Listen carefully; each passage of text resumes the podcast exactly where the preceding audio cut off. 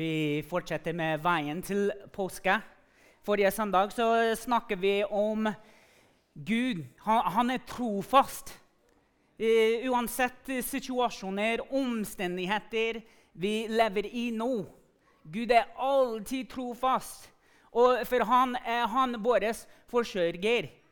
Det, det er noe han er trofast til, for å alltid stille opp i de situasjoner, de omstendighetene som vi opplever, som vi er liksom i midt i, kanskje nå.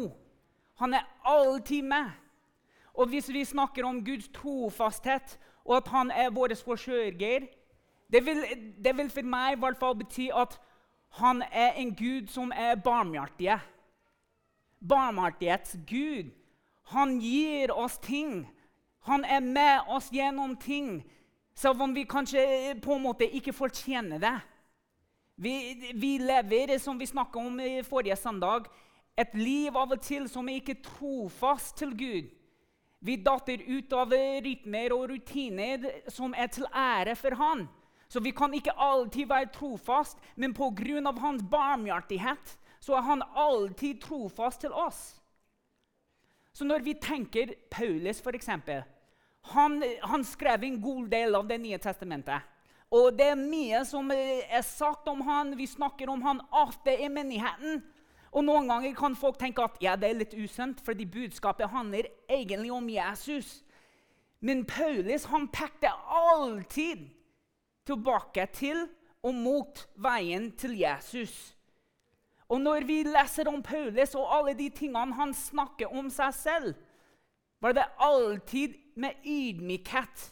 Han skjønte at den tjenesten som han sto i, alle de han kjente på, på jorda, det var på grunn av Guds barmhjertighet.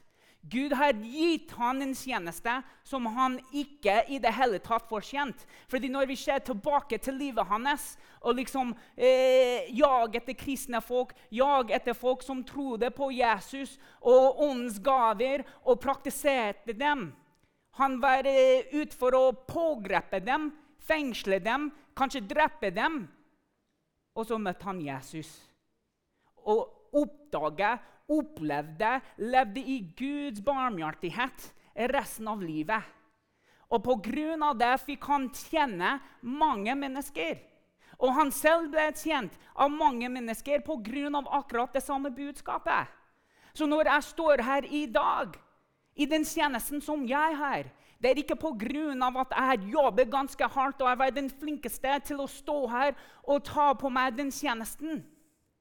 Jeg får stå her i dag fordi jeg også har møtt barmhjertighetsguden, som har velsignet meg med den tjenesten. Og nå får jeg gå i Guds barmhjertighet. Og det gjelder alle oss andre. Og Når vi begynner å lese i Bibelen om Guds barmhjertighet, så leser vi i hebreerne. Og her kommer jeg fra en litt annerledes translasjon eh, eller oversettelse av Bibelen. Eh, det er sånn hverdagsbibelen. La oss derfor komme fram for nådens trone med frimodighet, så vi kan få miskunn og finne nåde til hjelp i den tid vi trenger det. Nåden, Guds nåde, kommer i formen av barmhjertighet. Og når vi kommer for nådens trone, når vi kommer foran Jesus, når vi søker Han, la Han komme inn i livet han skal fylle oss med frimodighet, så vi kan få miskunn og finne nåde til hjelp i den tid vi trenger det. Vi trenger noe. Gud er svære på det. Og fordi han er svære på det, det bekrefter det bekrefter folkens, at han er barmhjertighet fordi han ønsker å komme inn i situasjonen, uansett hva det er. Uansett hvordan du lever, uansett hvordan du tenker, uansett hvordan du ser på dine perspektiver på ting. Gud ønsker i sin barmhjertighet til å møte deg der du er, og gi deg nåden du trenger i den tiden. Livet gir oss ikke alltid flere sjanser. Det hender at våre liksom, beslutninger, noen ganger dårlige beslutninger, Kanskje harde ord mot ektefellen, kanskje harde ord mot en god venn, kanskje harde ord på jobben. Kanskje noe feil vi har gjort på jobben, feil vi har gjort på skolen, hjemme. Usunne livsvalg, til og med. At vi drikker, at vi røyker, at vi bruker eh, stoff. Hva, hva enn det er som er livsfarlig for oss, som skiller oss fra Guds nåde. Guds barmhjertighet er alltid der. Men de tingene som fører oss bort fra Guds barmhjertighet eller Guds nåde, det koster. Vi mister vennskapet. Vi kan ødelegge ekteskapet vårt. Vi kan eh, bli skrevet opp på jobben. Helsen vil lide. Selv om vi endrer oss, er det ingen garanti om at alt vil bli bra. Men Guds barmhjertighet derimot gir oss nye sjanser igjen og igjen. Barmhjertighetens Gud han kler oss i hans tilgivelse og setter oss i gang med å leve i hans miskunn. Han er alltid sann. Alltid barmhjertig. Alltid medfølgende. Han, hvis vi elsker han og ber om tilgivelse, gir han oss alltid det. Det er det som barmhjertigheten hans går over. Hvis vi tar feil, hvis vi dummer oss ut, hvis vi ikke er de flinkeste Han fyller med hele tida. Men Gud er rik på barmhjertighet. Rik på barmhjertighet. Tenk på om du var rik med barmhjertighet. Som jeg snakka om forrige søndag også, det, det skjer aldri. Men jeg er litt rik med hevn. I hvert fall i tankene mine. Jeg tenker, Hvis jeg bare hadde gjort det, så kunne jeg ha vært veldig bra. Da lærer den personen eh, liksom leksa si. Da får de en undervisning om hvor ille verden kan faktisk være. Og sånn er det ute i verden. Dessverre. Mennesket tenker at istedenfor å vise barmhjertighet, da skal jeg vise at jeg er flink til å ta hevn. Men det er ikke Gud. Hans barmhjertighet er trofast i livet vårt. Veien til påske det handler om å forberede hjertet ikke sant? og se mot Gud og se at hans barmhjertighet møter oss i Jesus Kristus. Han har sendt Jesus til verden for å dø på oss, for å stå opp igjen, slik at vi kunne ha et nytt liv. Noe som vi ikke forsyner i det hele tatt. Men likevel barmhjertiges Gud møter oss i et behov vi har gjennom Jesus Kristus. Som mann, som Gud, og som fyller oss med Den hellige ånd. Og fordi han er barmhjertighetens Gud, kan vi leve uten frykt. Vi har alltid tilgang på den freden i sin og, i sin og hjerte som han så fritt gir i overflod. Fordi han er rik med det. Når vi lærer oss å følge etter Jesus, uansett hvem vi møter, hvor vi møter dem, hvordan vi møter dem, situasjonen vi møter dem i, leve de livet, så kan vi også være rik med barmhjertighet og møte dem med respekt, møte dem med sannhet, med Guds ord. Med et liv som peker til Jesus Kristus, han som ga sitt liv for oss. Han lover å alltid være med oss og bringe oss gjennom enhver vanskelige situasjon og enhver vanskelige periode i livet vårt. Det møter alle i løpet av et liv. Selv når det, er, selv når det går feil. Og vi tenker at nei, det er ikke en løsning, det er ikke en utvei. Hans trofasthet igjen å være vår forsørger bekrefter hans barmhjertighet, fordi da finner vi den veien ut. Da finner vi en løsning. Da finner vi folk som kan støtte oss. Guds folk, Guds menighet. De som skal bygge oss opp og dra oss ut av den dalen når vi selv ikke kan gjøre det, fordi blikket er festet på Jesus. I stedet for å bekymre oss for gårsdagen vil Gud at vi skal fokusere på dagen her og nå. Hvordan kan vi kjenne han i dag? Istedenfor å tenke på ja, han ikke stiller opp for meg. Kanskje vi må begynne å tenke hvordan kan jeg stille opp for han i dag. Hvordan kan jeg møte han i dag? Fordi det er veldig ofte gjennom tjenester at vi møter Jesus. At den ånden blir forsterka inni oss. Istedenfor å bare sitte og tenke 'Å, stakkars meg. Jeg skjønner livet er hardt.' Ikke misforstå meg. Jeg skjønner man møter uh, forskjellige ting. Man har dårlige dager. Alle. Men vi kan ikke sitte og tenke nei, alt er forferdelig, alt er for vanskelig, jeg er altfor sliten, det går ikke an, det øker jeg ikke. Fordi da blir fokuset, da blir tankene. Men la oss begynne å prøve å liksom eh, ommøblere, hvis jeg kan bruke det, tankene våre. Og fikse dem litt på Jesus og tenke ja, men hvor har jeg møtt Jesus i dag? I hans ord? I en tjeneste mot andre? Kanskje det var eh, barna mine? Kanskje det var naboen min? Men la oss begynne å skifte fokuset til at han er der. Og selv om organisering, fysisk form og økonomisk stabilitet er alle verdige mål, må vi være sikre på at vi ikke mister det store bildet når vi leter etter den neste store tingen. Selvfølgelig ønsker Gud at vi skal lette etter de beste, de største tingene i livet vårt. Hva er neste skritt fremover? Men ikke miste fokuset på hvem leder deg til det neste. Hvem gir deg kraften til å gjøre det? Eller hvem er det som bærer deg gjennom når du ikke har kraften? Alle, alle ser etter den neste store tingen. Hemmeligheten å bli organisert. Og Hanna vi snakker om det regelmessig, at eh, liksom, vi må eh, få bort alle skrot. Og liksom downsize i huset vårt. fordi det er ting som ligger eh, i hjørnet der, ting som er skyvet under sofaen der, ting som er under senga, ting som er opp bakerst i skapet. Man vet ikke hva de har engang. Så da liksom søker man på Pinterest de fem beste ting man kan gjøre for å omorganisere huset. Men det er ikke bare huset. Det er liksom de fem beste ting man kan gjøre for å få livet tilbake på banen. Hvis jeg gjør A, B, C, D, E, da kanskje livet går litt bedre.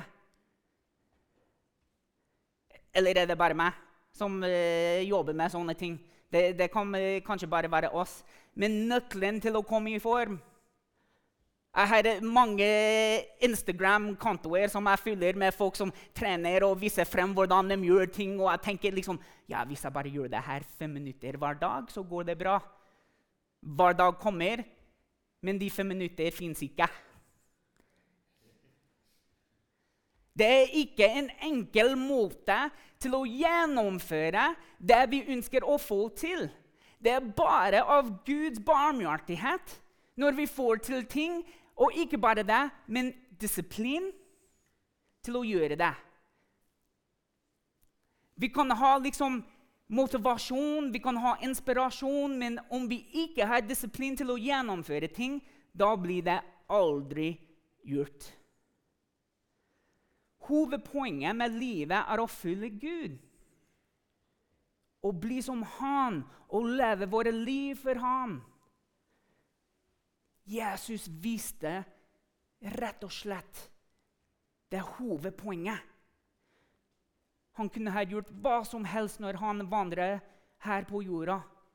Men han kom for å leve livet sitt for Gud og være en kjenner for han og hans folk. Vi må også bli det som Gud vil at vi skal bli til. Vi må vokse i godhet og rettferdighet. Fra Gud renner det godhet, nåde, makt og styrke. Alle kvaliteter trenger vi i livet vårt. Vi trenger å være et lys som lyser frem de kvalitetene, de verdiene, i våre samfunn, i vårt nabolag, i vårt hjem, på jobb. Gud gir oss alt vi trenger for å leve i en overflod av glede gjennom sitt ord og sin ånd og sin nåde og barmhjertighet. Når vi velger hans ønsker over våre egne, og den alltid en kamp, så kjemper vi for å bli mer lik ham. Og han leder oss og viser oss veien til korset. Veien til oppstandelsen. Veien til det nye livet.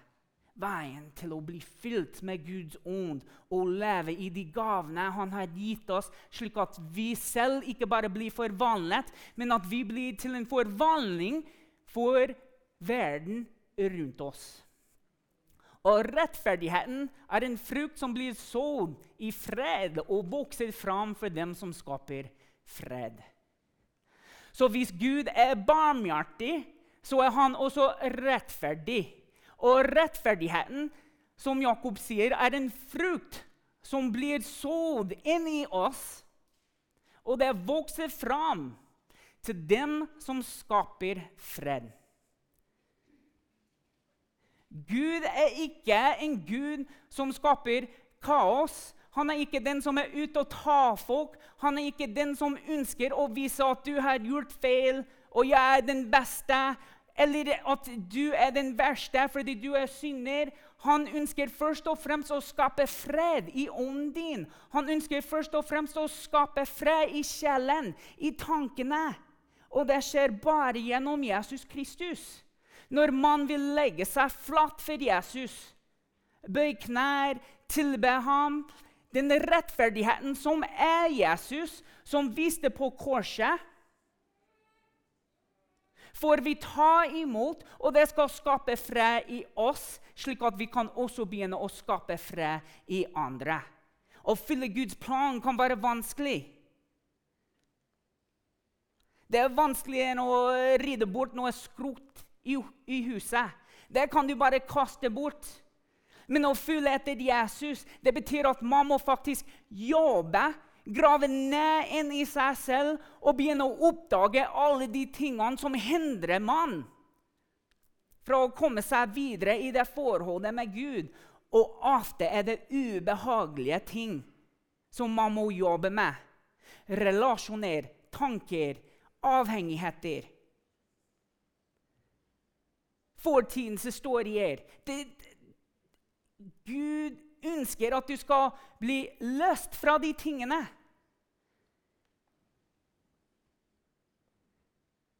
Han er rettferdig. Han vil at du skal komme til ham med alle de tingene. Gi dem til ham. Og når du gjør det, så kan du ikke bare tenke at ja, men nå er jeg ferdig, nå må Gud gjøre noe. Han gjør noe når vi også samarbeider med han, og Den hellige ånd begynner å bekrefte for oss at her er det du må jobbe med. Den relasjonen som liksom er veldig vanskelig utfordrende for deg. Da må du virkelig sette av tid. Du må gi deg selv til det forholdet. Eller jobboppgaven, hva enn det er, så må du også jobbe for det og fugler etter det blir vanskeligere. En, en enkel seksstegplan, liksom. Men det er også mer givende når vi samarbeider med Gud, når vi vender oss mot Gud og vi gir våre liv til ham. Så tilgir han oss. Veien til påske er alt om det. Å ta imot hans tilgivelse i livet vårt. Han gir oss gaven av sin medfyllelse i Jesus Kristus. Han hjelper oss å legge knuste forhold og fylle våre hjerter med rettferdighet, nåde og fred. Guds frukt kommer fra å følge Gud og la Hans rettferdighet lede våre steg. 1. Johannes 2,29 så skriver Johannes når dere vet at han er rettferdig, kjenner dere at den som gjør det som er rett, er født av ham. Den som gjør det som er rett. Jeg er veldig på det eksempelet med å ta hevn på folk som eh, parkerer på andre sida av gata. Eh, og gjøre det vanskelig for livet mitt. Og som jeg sa forrige, sånn, liksom, jeg kan gjøre det. Jeg kan velge å punktere dekket.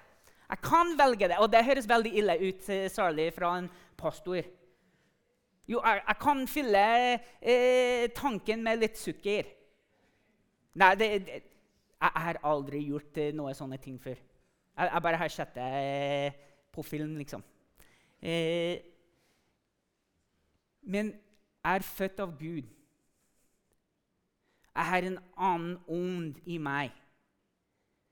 Jeg kan si slemme ting til andre mennesker. Jeg kan banke opp andre folk hvis de gjør meg sint.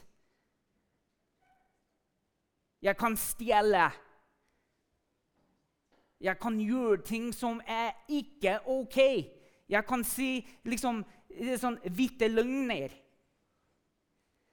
Man kan gjøre sånne ting, men når man er født av Jesus Kristus på nytt, så vil de velge å gjøre det som er rett. Og det er ikke alltid enkelt å gjøre det som er rett. Men det er noe som bekrefter at man lever et liv sammen med Jesus. Tenk over gleden du opplever når du mestrer noe for den første gangen. Tenk på liksom, når du ser at en av barna dine har begynt å gå. De reiser seg opp, og i tankene sånn Kom igjen, kom igjen, kom igjen. Bare et, et skritt, bare et skritt. Kom igjen. Og så et skritt, og så faller de ned. Og du tenker ok, nå skjer det noe. Du ser at de begynner å mestre og gå litt av litt av litt, og du blir så glad for dem. Og du ser at de blir så blide. ikke sant? De lyser opp fordi de her mestrer noe. Jeg kan huske den første gang at jeg følte meg liksom trygg nok til å snakke med nordmenn. Fordi jeg har lært meg liksom bra nok norsk til å ha en samtale. Det var den mestringsfølelse. Det er noe med å mestre og gjøre rett. Jeg har lyst til å se på det her, men jeg vet at det ikke er rett. Jeg velger Gud. Det kommer liksom instant gratification. Den følelsen at 'yes, jeg har overvunnet den tanken'.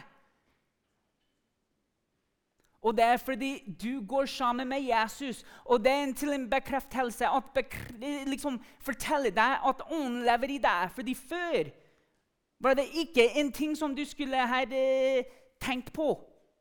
Ingenting som eh, liksom eh, for, forstyrrer deg dine tanker eller ånde. Du bare Ja, OK, det er sånn livet er. Men nå, nå begynner du å bli litt eh, forvirra og forstyrra av akkurat det. At 'Nei, det her er galt, og det skal jeg ikke gjøre'. Fordi nå begynner du å gå tettere sammen med Jesus.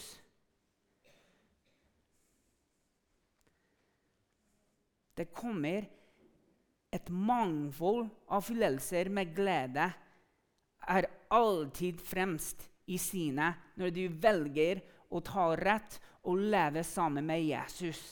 Livet blir ikke enklere pga. det. Å gjøre de rettferdige ting er ofte utfordrende. Kan være ubehagelig.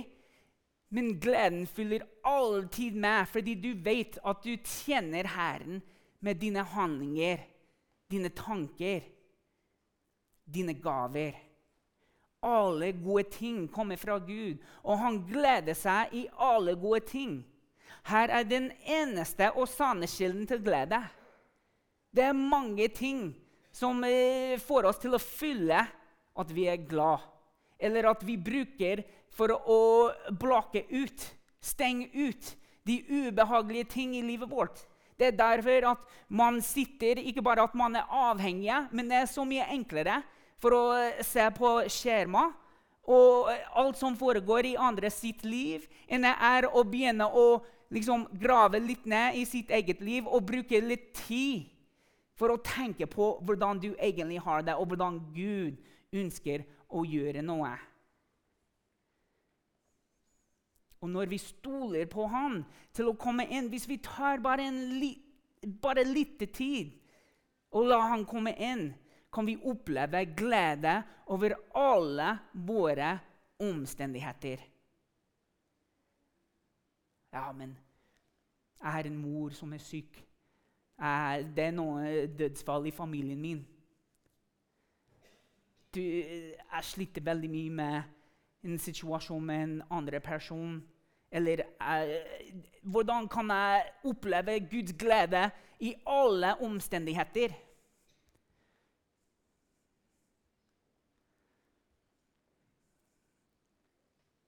Fordi han er trofast til å møte deg akkurat hvor du er.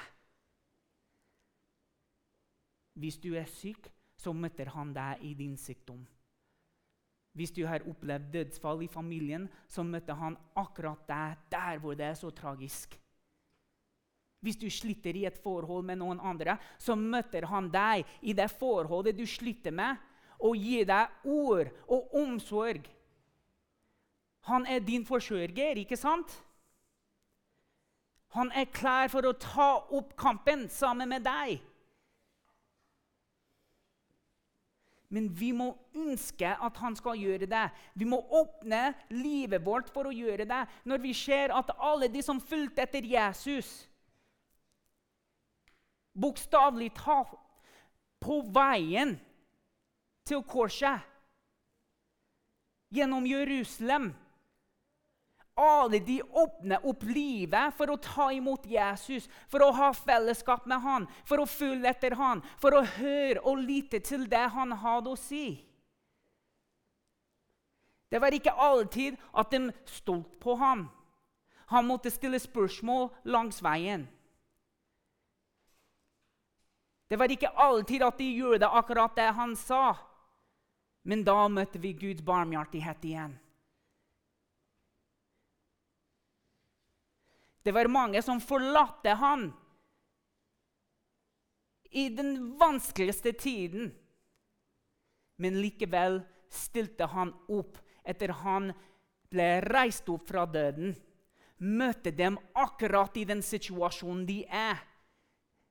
Og de opplevde gleden. Så det er hvordan jeg vet at det er mulig at uansett hva din situasjon er, hva omstendigheter er rundt livet ditt nå, så kan Gud stille opp, så kan Jesus møte deg, så kan Den hellige ånd fylle deg med glede i alle omstendigheter. Vi kan ha glede midt i en kamp dersom håpet vårt ligger i Herren. Vær ikke bedrøvet, for gleden i Herren er deres styrke. Amen. Amen. Jeg skal ikke miste mot i situasjoner som jeg står midt i nå i livet mitt. Jeg skal være frimodig. Hvorfor? Fordi Herren er min glede. Han er min styrke. Han veileder meg mot uh, målstrekket for å starte et nytt løp. Livet mitt er ikke ferdig. Livet ditt er ikke ferdig. Du er en ny skapelse og klar for en ny dag som starter her og nå feilen vi ofte gjør, er å se etter glede utenfor Gud. Og hvorfor skal vi gjøre det? Når vi setter vår verdi etter noe annet, vinner vi eh, sånn lønn vi ønsker å kjenne, en jobb vi ønsker å ha, sosiale posisjoner, går vi glipp av ekte glede. Ekte gleden finnes ikke i de materialistiske tingene. Det fins bare i Gud. Om vi mister også utrolige muligheter til å dele gudglede med andre. Fordi vi mister akkurat det. Guds barmhjertighet i livet vårt. Vi snakker om å vitne hele tida. Bibelen forteller oss at vi skal vitne, og vi tenker liksom, ja, men hvordan gjør jeg det? Det blir så vanskelig. Hva skal jeg si? Har Gud vært trofast i livet ditt? Hva er noen av de gangene du kan huske at Gud har stilt opp og vært så trofast i livet ditt. Ikke tenk på hvor forferdelig du har hatt det, eller hvordan du har det nå. Men her, det er enkelt spørsmål. Har Gud vært trofast noen som helst gang i livet ditt? Det vil jeg beregne med at svaret er ja. Fortelle om Guds trofasthet i livet ditt. Men ja Kanskje har Gud valgt en forsørger for deg? Jo, svaret er ja. Men hva med Guds barmhjertighet? Jo, du lever i den relasjonen med Jesus Kristus fordi Guds barmhjertighet har møtt deg en gang i livet ditt. Og hva med rettferdighet? Jo da Gud er rettferdig. Han har kalt deg til å være rettferdig. Her er ting som vi kan fortelle eh, om igjen og igjen. Fordi alle den gleden, alle de gode ting kommer fra Gud. De stråler ut av kjærlighet og hans godhet til oss og til de rundt oss. Og derfor kjenner vi ekte gleden. Jeg avslutter med dette verset her. Må håpets Gud fylle dere med all glede og fred i troen, så dere kan bli rike på håp ved Den hellige ånds kraft. Det er ikke noe jeg skal si om det her. Det jeg ønsker at vi skal gjøre sammen, lovsangstime kommer opp jeg ønsker at vi skal bare løfte hendene våre, og at vi skal be det her. At håp, må håpets Gud Gud er fylt av håp. Og han ønsker å fylle meg og deg, oss som hans menighet, med all glede og fred i troen vi har på Jesus. Den tro du har her og nå på Jesus Kristus det skal fylle deg med fred og glede.